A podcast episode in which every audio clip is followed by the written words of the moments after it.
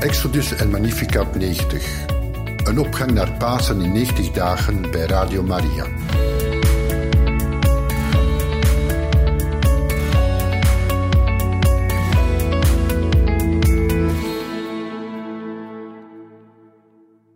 Van harte welkom, beste luisteraars, op dag 62.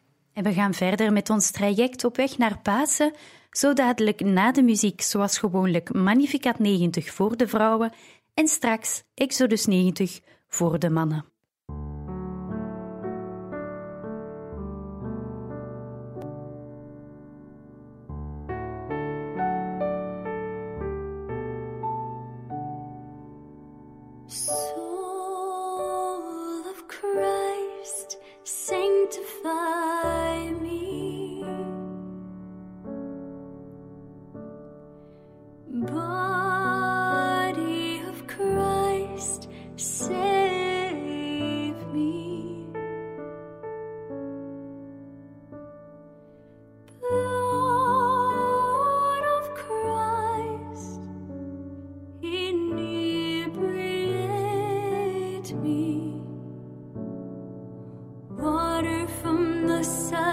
cry.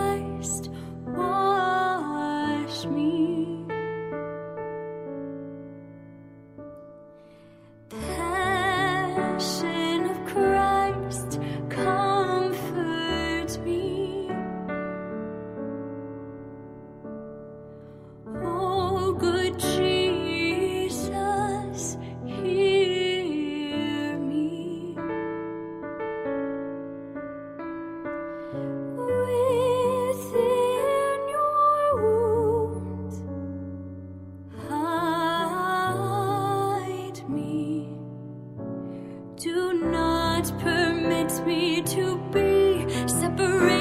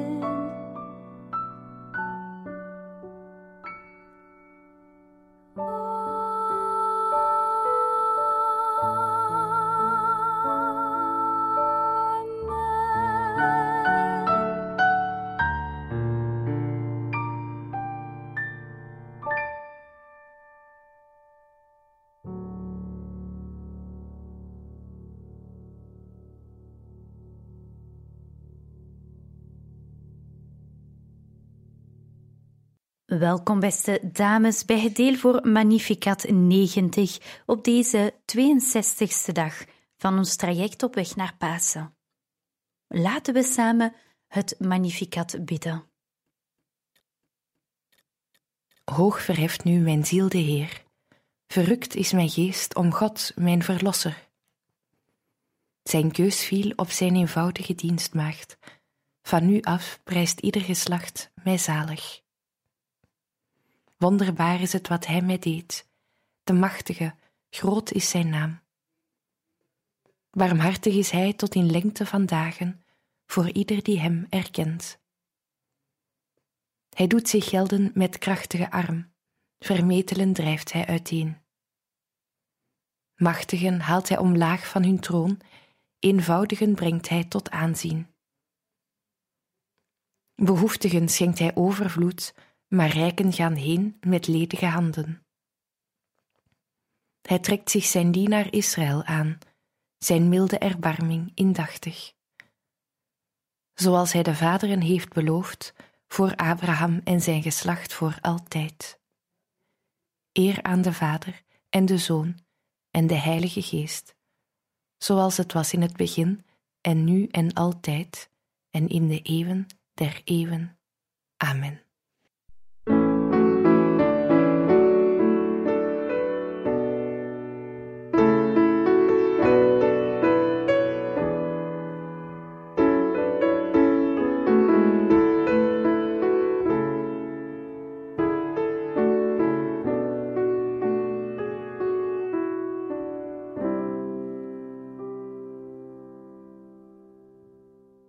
En ook vandaag lezen we verder uit het boek Geloven in de Liefde. Ach, als we dit evangelie op een doeltreffende manier zouden kunnen preken, dan zou de sociale kwestie opgelost zijn. Dat wil niet zeggen dat we niet naar alle middelen moeten zoeken om hen die lijden te ontlasten, om het lot van hen die verdriet hebben te verbeteren, om hen die niet genoeg hebben te hulp te komen. Met wat voor een tederheid moeten we ons over hen buigen en ons zoals Paulus maken tot alles voor allen, zwak met de zwakken. Zoals de heilige kerk en de heiligen dat al eeuwenlang hebben gedaan. Je zal nooit te veel toewijding kunnen geven als je je eigen vermoeidheid niet ziet. Je te veel geven als je jezelf vergeet. Te veel van je bezittingen weggeven voor hen die niets hebben als je voortdurend bezorgd bent om jezelf tot dienaar te maken van hen die jou dienen, hen die arbeiders, die tegen de prijs van hun zware inspanningen en hun zweet jou verzekeren van welzijn en comfort dat je niet verdient. En verjaag onverbiddelijk dat instinctieve gevoel van superioriteit dat allen die hier op aarde heersen verblindt en die vergeten dat veel van die armen, die hun broeders zijn, vaak heel hoger verheven zijn in de geestelijke, bovennatuurlijke orde. Zo zult u ook niet zomaar tegen iemand die geen heilige is en die zucht onder de druk van een beproeving, of tot een oud iemand die onder de last van de jaren en de fysieke aftakeling gebukt gaat zeggen: U moet zich maar overgeven aan de wil van God, dan krijgt u ooit een mooie plaats in de hemel. Dat zou neerbuigend over kunnen komen en een middel kunnen lijken om van uw geklaag af te komen. Toch mag je steeds bedenken dat je langzamerhand met duizend en één fijngevoelige trucjes daar wel mag uitkomen. We durven niet meer over de hemel te praten, vooral sinds de Marxisten die hemel onder duivelse inspiratie opium voor het volk hebben genoemd, die bedoeld zou zijn om de ongelukkigen in slaap te sussen en hun eisen te laten begraven door de mooie belofte van een hiernamaals, van waaruit nog nooit iemand is teruggekomen, zoals ze zeggen. En van de kleur van het paradijs op aarde dat zij beloven, daar zien we ook al niet veel van. En waar vinden we de nieuwe mens die Lenin aankondigde? We durven niet meer over de hemel te praten, en toch is niets hier op aarde verklaarbaar zonder die plaats van geluk, waar alle ongerechtigheden, en God weet dat die er in deze wereld zijn, hersteld zullen worden, waar de laatsten de eerste zullen zijn in een eindeloze zaligheid, waar de vrezen Jezus zelf voor ons een plaats bereid heeft, waar een God op ons wacht die niets dan liefde is. Wie kan de prijs noemen van een lijden, een tegenwerking, een vernedering, die worden aanvaard? Niet alleen, maar door erin te berusten. Ik houd niet van dat woord, dat lijkt te betekenen dat je aanvaardt omdat je niet anders kan. Maar die worden aanvaard met de vreugde van de wil. Een magnificat, gezongen aan het kruis, een glimlach door de tranen heen. Wat een rijkdom is dat. Wanneer je zo lijdt, zegt Jezus dan in een totale overgave: Als ik mijn situatie meteen zou kunnen veranderen door mijn pink te bewegen, dan zou ik dat niet doen, omdat u die voor mij gekozen hebt. U bent wijzer dan ik. U houdt meer van mij dan ik van mezelf houd. Ik laat u begaan. Alles is goed. Dit is het gebed, dat weet ik van veel zieken in Lourdes. Heer, als u wilt, kunt u me genezen. Maar u wil boven alles. En vaak vragen ze om de genezing van de anderen, eerder dan die van henzelf, als dat het plan van de goddelijke Verlosser is. Johannes de 23ste wilde in een toespraak tot de hele wereld nog eens het hoogste belang van een volkomen toewijding aan het leven van gebed uitspreken, boven elke andere vorm van apostolaat. Nu dit helder is, laat ons nu dan spreken over het apostolaat van het woord en de daad. Fides ex auditu. Het geloof ontstaat doordat men het woord van Christus heeft gehoord. De heilige Thomas zegt dat, ook al schaadt het werkzame leven, het contemplatieve leven niet, het toch meer volmaakt is om beide te verenigen, gegeven het feit dat een licht niet alleen gemaakt is om te schitteren, maar om te schitteren en te verlichten. Ten dele is het door onze zwakheid dat het zuivere contemplatieve leven op zichzelf volmaakter is. Het is zo mooi om anderen ter overweging te geven wat je zelf overwogen hebt, en in het werk vind je nieuwe onderwerpen voor overweging in het contact met de naaste.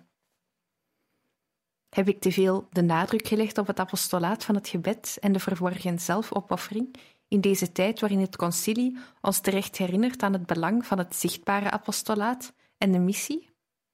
Ik denk het niet.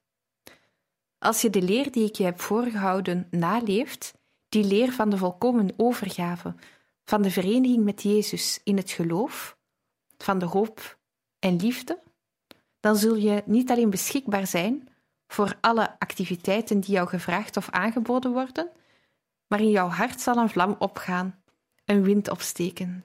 Zo je wilt, de Heilige Geest is beide. Die jou ertoe zal brengen om jou zonder reserva aan de naaste te geven, ondanks jezelf. Caritas Christi urget nos. De liefde van Christus laat ons geen rust. Wanneer je bemint, bestaat er geen gevaar van traagheid. Wanneer alles uit liefde wordt gedaan, dan wordt alles gebed, stilgebed, contemplatie. Nee, het uiterlijke apostolaat van de leken is niet iets facultatiefs of een luxe, maar een verplichting, een dwingende noodzakelijkheid. Als je denkt aan de armen die van honger sterven, aan de slachtoffers van rampen en moordende oorlogen, dan krimpt je hart samen en je beurs gaat open. Je hart moet nog meer samenkrimpen als je bedenkt dat deze zielen sterven van geestelijke honger bij miljoenen. Jezus dorst naar deze zielen. Zij kunnen niet naar hem toegaan omdat ze hem niet kennen. Hij kan niet zichtbaar tot hen gaan omdat hij zichzelf tot stilte in het tabernakel heeft veroordeeld. Hij heeft zelf anderen nodig. Hij heeft het priesterschap ingesteld met het oog op het Eucharistisch offer, maar ook om de voeten van de priesters te kunnen lenen om achter de verdwaalde schapen aan te gaan, om hun handen te lenen, om de wonden te verbinden en om te zegenen, hun lippen om woorden van waarheid, van troost en van heil te laten vallen. Jij die Gods eigen volk, dat barmhartigheid verworven heeft, een uitverkoren geslacht, een koninklijk priesterschap bent en die als gedoopte deel hebt aan het goddelijk priesterschap bij het opdragen van het heilig misoffer met de priester, jij neemt daaraan ook deel door jouw apostolische activiteit. Luister naar je bisschoppen, volg hun richtlijnen, neem deel aan hun pastoraat. Er staan tegenwoordig zoveel uiteenlopende activiteiten open voor wie apostel wil zijn. Op het gebied van de vrije meningen, dat zo in beweging is, voelt de christen zich vaak als gekruisigd. Dat komt doordat het niet altijd gemakkelijk is om de waarheid en de rechtvaardigheid te verdedigen. En dat moet. En toch het respect en de liefde tot de naaste te bewaren. Bid met zachtmoedigheid en nederigheid. Breng de emoties tot rust en vraag om licht. Je zal door God geoordeeld worden naar de zuiverheid van je bedoelingen. Draag grote zorg voor je doctrinale vorming, die meer noodzakelijk is dan ooit. Wij moeten één zijn met de bisschoppen en met de paus. Pius XI zei: Uw bisschop, de paus, dat is de gulden keten die u verbindt met de goddelijke verlosser. We moeten één zijn met de paus, omdat wie één met hem is, ook één is met de grondslag van de kerk zelf, omdat de poorten van de hel hem en de kerk die op hem gegrondvest is, niet zullen overweldigen. De gezegende rots die Petrus is, waarop, zoals we weten, met de absolute zekerheid van het geloof, de enige bron van zekerheid en vrede, de klauwen van Satan, zich te vergeefs zullen afslijten tot aan het einde der tijden. Petrus, de zachtmoedige Christus op aarde. Petrus, tot wie Jezus aan het laatste avondmaal zei, terwijl hij zich naar hem toekeerde: Ik heb voor u gebeden dat uw geloof niet zou bezwijken. Petrus, hij die meer lief had dan de anderen en die hen bevestigt in het geloof en de liefde.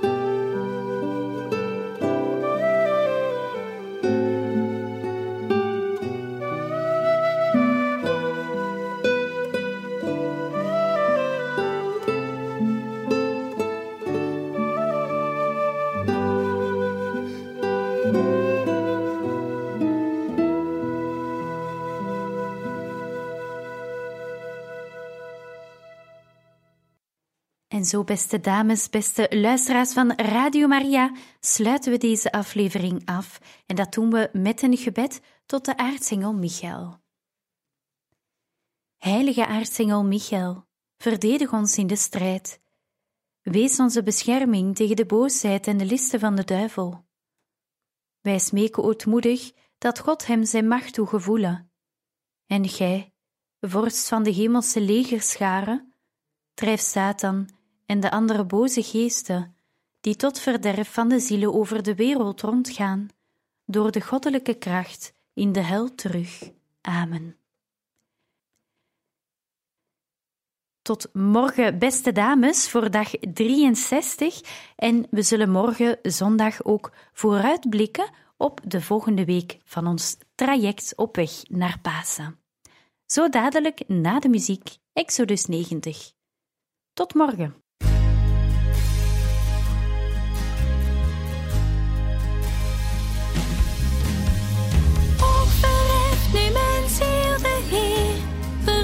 Is mijn geest om God. Oeh, mijn verlosser. Zijn keus viel op zijn eenvoudige dienstmaagd. Van nu af prijst ieder geslacht mij zalig. is het wat hij mij deed. De machtige, groot is zijn naam. Ook verrijft nu mijn ziel de Heer, verrukt is mijn geest om God. Hoe mijn verlosser, machtig is hij in lengte van dagen. Voor ieder die hem erkent. Hij doet zich gelden met krachtige arm.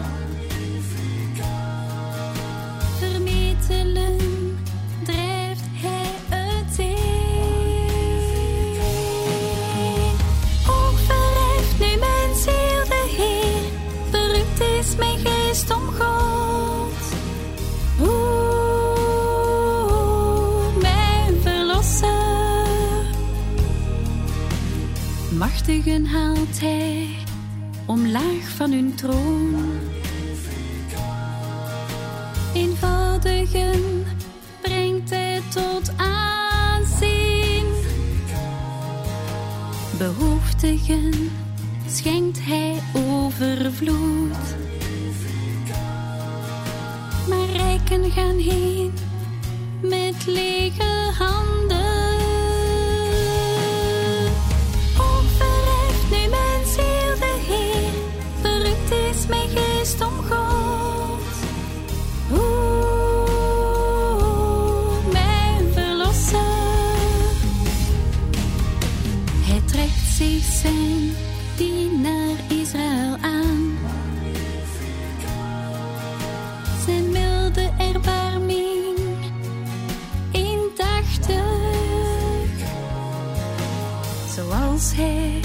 De vaderen heeft beloofd.